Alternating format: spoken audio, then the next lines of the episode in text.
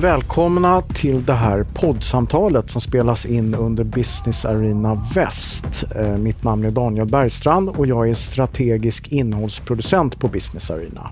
Och vi har förmånen att ha med oss journalisten och författaren Göran Rosenberg i studion. Välkommen Göran! Tack Daniel!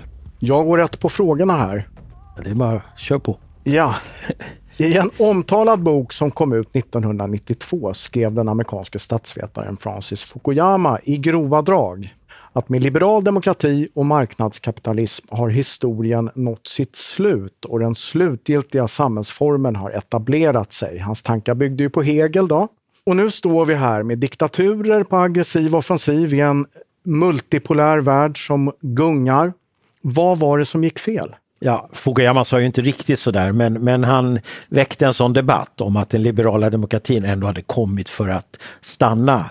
Eh, problemet var att den liberala demokratin eh, inte levererade det som i alla fall inte generellt det som Fukuyama hade postulerat att den skulle, nämligen en, eh, ett samhälle där människor kunde vinna erkänsla, där de kunde bli sedda som, som väldigt viktiga saker eh, och, och, och, på något vis som skulle tillfredsställa väldigt grundläggande mänskliga behov. Och I den meningen så skulle det här samhället vara bättre än andra tidigare auktoritära, hierarkiska etc. samhällen.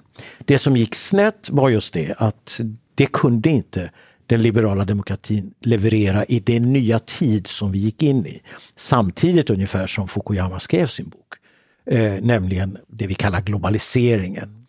Som ju eh, lät väldigt bra men det var en globalisering på väldigt specifika villkor, nämligen marknadens villkor. Det var en marknadens globalisering. Det var öppnandet av gränser och öppnandet av, av, av tullar och allt sånt för att vi skulle kunna ha en så fri och öppen ehm, eh, marknad som möjligt eh, eh, över hela världen. Och det tyckte ju alla var superbra. Och man talade om den globala byn där alla skulle känna sig hemma. Men alla kände sig inte hemma i den globala byn och det blev egentligen ingen global by. Det blev en global elit som man snart såg eh, kunde röra sig fritt som liksom sak, var marklös på sitt sätt. Och så fanns det en stor grupp människor som var kvar på marken, som var kvar i sina länder, som var kvar med de sociala, politiska och andra problemen. Och de problemen försvann inte med globaliseringen. Och istället fick vi då växande klyftor, växande sociala och politiska problem som de här liberala demokratierna i det här nya läget inte hade makt och till sist kanske inte heller politisk, för, politiska förutsättningar för att ta itu med. Mm. Så vi fick ett växande missnöje kan man säga med den rådande ordningen och vi ser konsekvenserna av det bland annat idag. Mm.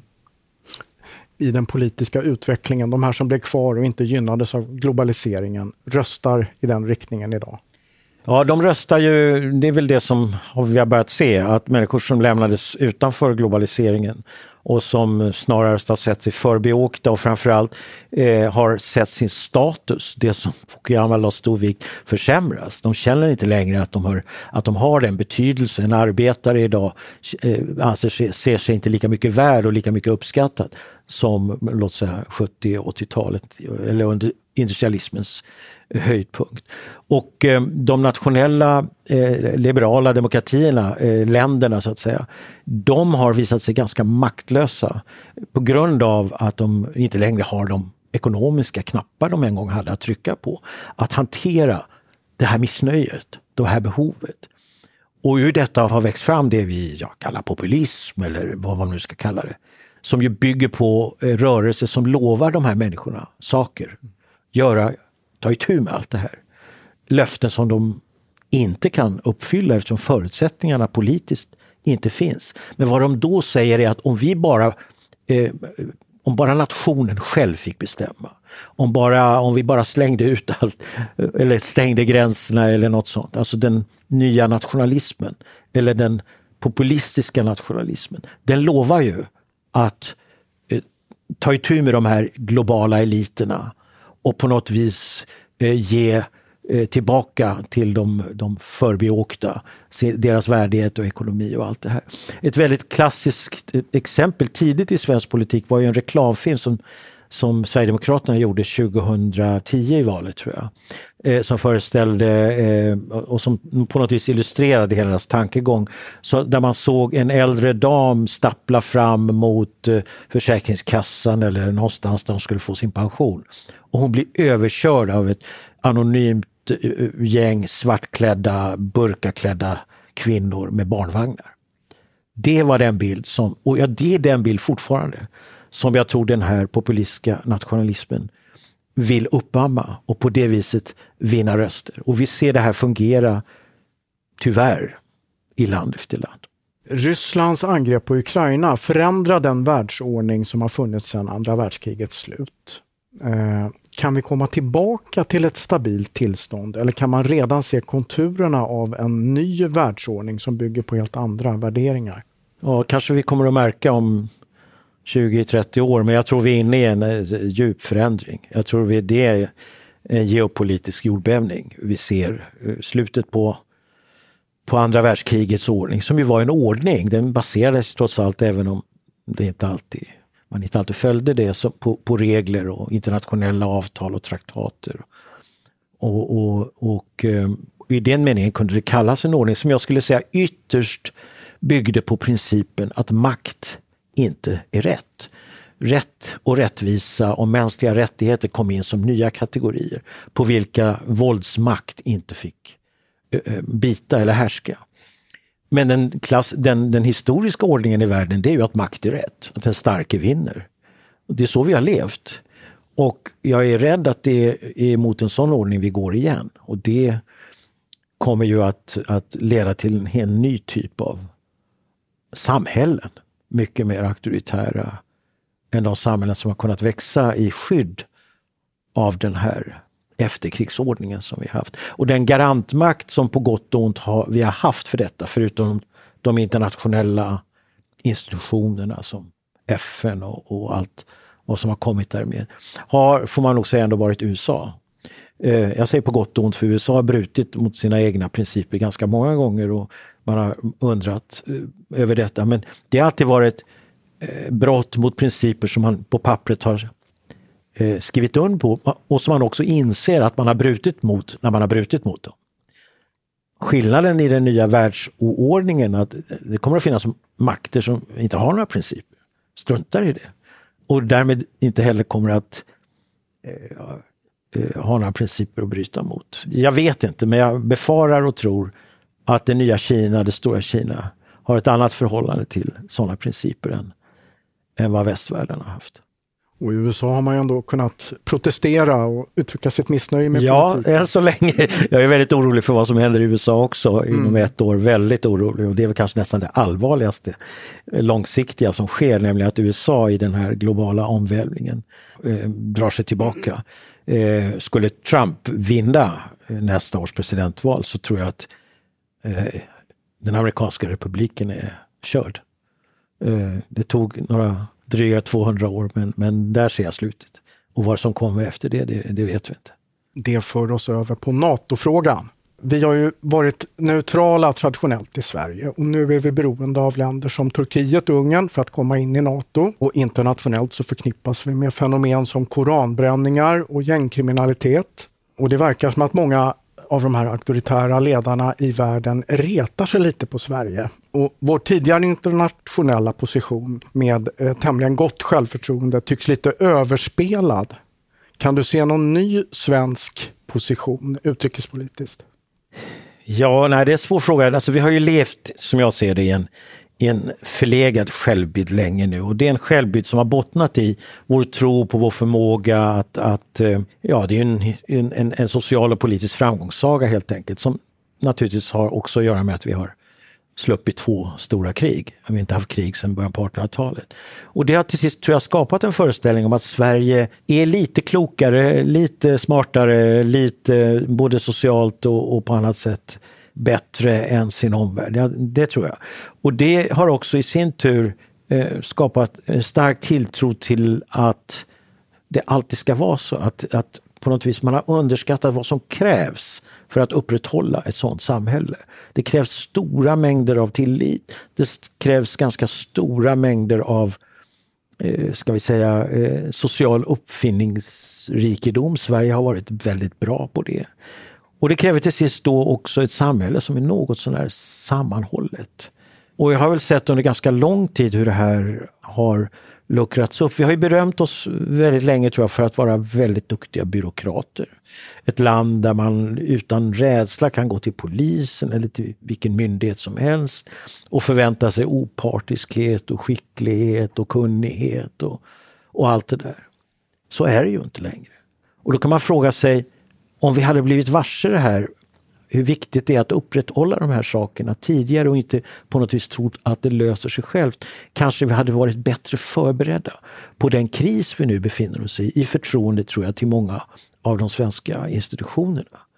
Och eh, vad gäller gängkriminaliteten så är ju det en, en, ett utslag av samma sak. Det är ju ytterst, tror jag, vi i Sverige är inte det enda land som har gängkriminalitet. Jag har bott i USA och i vissa städer har det där funnits länge. Och det bottnar, och vi har ju haft maffior och alla sådana saker som ju är en sorts gängkriminalitet. Och det bottnar ytterst i att vissa grupper eh, inte knyter an till det svenska samhället, inte känner förtroende för det svenska samhället. Det finns en sån klassisk scen i, i första filmen om Gudfadern. Där en man, Bonacera tror jag han hette, kommer, kommer till, till Gudfadern, alltså Corleone, Marlon Brando och berättar att hans dotter har fått trubbel med sin pojkvän. Varefter pojkvännen tillsammans med några kompisar har, har gett sig på flickan och misshandlat henne eller våldtagit henne. Och då säger han till, till Corleone, jag gick till polisen men de, de gör ingenting. Och då svarar Corleone, varför gick du till polisen? Varför gick du inte till mig? Och så kysser han till sist Corleones hand. Och jag tror att det är den typen av nya lojala samhälls grupperingar som vi håller på att få. Därför att vad människor vill ha är säkerhet, trygghet. De, vet, de vill veta att när jag har ett problem så ska jag få hjälp.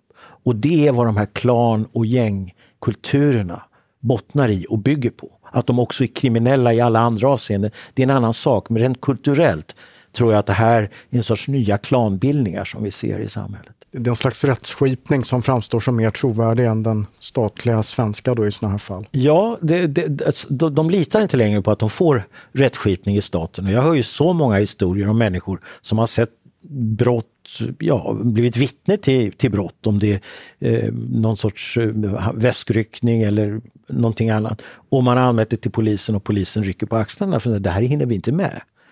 Och då blir det ju till sist så att om du inte vågar eller tycker det är lönt att anmäla ett brott till polisen, vad gör du då? Du frågar grannen om vi kanske ska ta tur med det här själva eller vad vet jag. Så att vi, vi, vi har gjort gängkriminaliteten till en invandringsfråga, men det är det inte. Det är klart att det finns också i de här miljöerna. Men det, de kulturella, och politiska och sociala förutsättningarna är större än så för att den här typen av, av kulturer ska uppstå.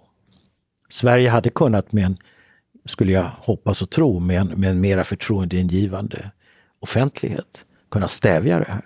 Men människor, många litar inte längre på att det fungerar.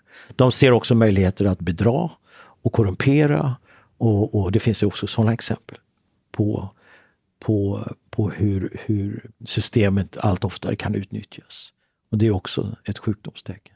Ja, vi tar ett kliv ut i stora världen igen då. Du är enormt insatt i Mellanöstern. Eh, blev du överraskad av Hamas attack på Israel för en tid sedan? Ja, det blev jag. Jag tror alla blev det. Det var ingen som trodde att Hamas skulle vara kapabelt till att göra någonting sånt därför att vår tilltro till Israels förmåga att avskräcka och förhindra det här var så stor. Eh, vi har beundrat Israel, om inte annat för, för dess förmåga att, ha, att kontrollera och, och, och, sin omgivning och också militärt eh, och, och informationsmässigt hålla, hålla det under uppsikt. Så att, eh, ja, det kom som en överraskning men det är klart att i efterhand så borde det inte ha gjort det. Därför att Hamas har ju aldrig stuckit under stol med sina politiska avsikter. Och det är lite naivt av Israel att tro att de i all evighet skulle vilja sitta där på Gazaremsan och med jämna mellanrum då eh, kanske få, få, få något litet krig med Israel. De har, de har sagt det tidigare och nu gjorde de, de vill välta spelbordet. helt och hållet i Mellanöstern. Och det vill ju Iran också och det vill Hezbollah också. Och här har uppstått en ny typ av allians. En, en, en, de kallar sig själva eh, Resistance Movement, men det, det är en, en, en allians som eh, vill eh, rucka på hela ordningen i, i regionen skulle jag säga. Och det hade nog inte Israel, det tror jag Israel hade underskattat kraften i. Och nu står man där med Hezbollahs, eh, jag vet inte hur många raketer upp i Libanon, med ett Iran som rustar sig till tänderna och som kanske snart har kärnvapen. Och man har gått in i vad jag skulle säga en strategisk fälla eller en återvändsgränd. Och den reaktion man nu har på, på attacken, Hamas-attacken, är ju, eh, kommer ju inte att leda till någonting bättre. Man jämna Gaza med marken och utplåna Hamas kommer inte att öka Israels säkerhet. Och ser du en risk för en eskalering av den här konflikten då med Irans intressen? Ja, det ser ju alla, det är klart. Därför att eh, det finns eh, Alltså, krig startar ju inte alltid därför att eh, man har suttit planerat och tänkt igenom och si och så, utan de, jag menar, ta bara Putins angrepp mot Ukraina, det gick inte som han hade tänkt sig. Och han hade föreställt sig någonting annat. Och likadant här. Eh, det kan mycket väl finna, eh, komma en gnista eller en händelse som, som, som gör att ett storkrig blir omöjligt. Till saken hör ju då att vi inte riktigt vet om Iran har kärnvapen ännu. Alla vet att det är nära. Och den dagen Iran har kärnvapen så har vi två kärnvapenmakter i en akut konflikt med varandra, Israel och Iran. Så att det är en otroligt allvarlig situation vi befinner oss i. USA har ju då demonstrerat sin styrka genom att skicka dit ett antal hangarfartyg och tror jag strategiska ubåtar och det ena med det fjärde. Men ingen tror väl att USA kommer att sätta vad heter det, kängor på marken, eh, som det heter, eller boots on the ground, eh, en gång till i Mellanöstern. Jag tror inte det, det kommer man inte att göra. Och, och då är det inte säkert på att USAs maktdemonstration räcker för att avskräcka. Men det, så det, det är väldigt allvarligt, det, mm. det tycker jag. Ja, det, det, är ett allvarligt samtal det här. Ämnet eh, för ditt, eh, det, när du är med på stora scenen här på Business Arena Väst, är hur går vi framåt när gamla regler inte gäller? Och det har ju faktiskt varit oroliga tider för även i Sverige. Eh, men, men, och man kan ju inte bara ge upp så att säga. Hur, hur, hur håller man huvudet kallt och arbetar för en bättre framtid när allt tycks gå åt pipan? Ja, en, en, ökad dos av, av, realism till att börja med. Man får inte, eh, man, man, jag, har, jag har till och med hållit ett föredrag som heter Till pessimismens lov. Inte för att jag tycker att det ska gå illa utan jag tycker man ska vara mera medveten om eh, svårigheter och inte släta över dem därför att eh, det kommer, det, kommer, det kommer ont senare. Så jag tycker vi ska eh, försöka så gott det går inte bara i Sverige men i Europa också, för Europa tror jag har stora problem och vi är beroende av det. Se vad, vad som måste till. Jag hade hoppats att efter Putins angrepp på Ukraina att Europa skulle samla sig. Och Sverige också, med Europa. Vi tog det stora steget och sökte medlemskap i Nato, men det räcker inte. Vi måste stärka Europa. Och jag tror att det, det viktigaste och den, det, det, det, som skulle kunna ge något slags eh, riktning framåt i det här läget, det är en politik för att äntligen göra Europa till den både säkerhetspolitiska och politiska gemenskap som vi behöver i den här oroliga världen. Var och en av oss kan inte klara oss i det här. Och börjar Europas länder tjafsa mellan varandra och får vi dessutom regimer i Europa som vill alliera sig med skurkarna då är vi ju illa ute och då kan inte Sverige tro att bara för att vi under ganska lång tid har varit befriade från krig och neutrala och alliansfria och varit duktiga på alla sätt och vis. Att vi klarar oss undan det här. Vi måste vara med i det här. Så jag skulle vilja se en, otrolig, en, en mycket mer aktiv Europapolitik. Inte för att, som alltid tidigare, eh, fundera ut vad det här betyder för Sveriges ekonomi eller någonting annat. Utan vad det betyder för vår gemensamma förmåga att överleva i den värld som jag ser växer fram.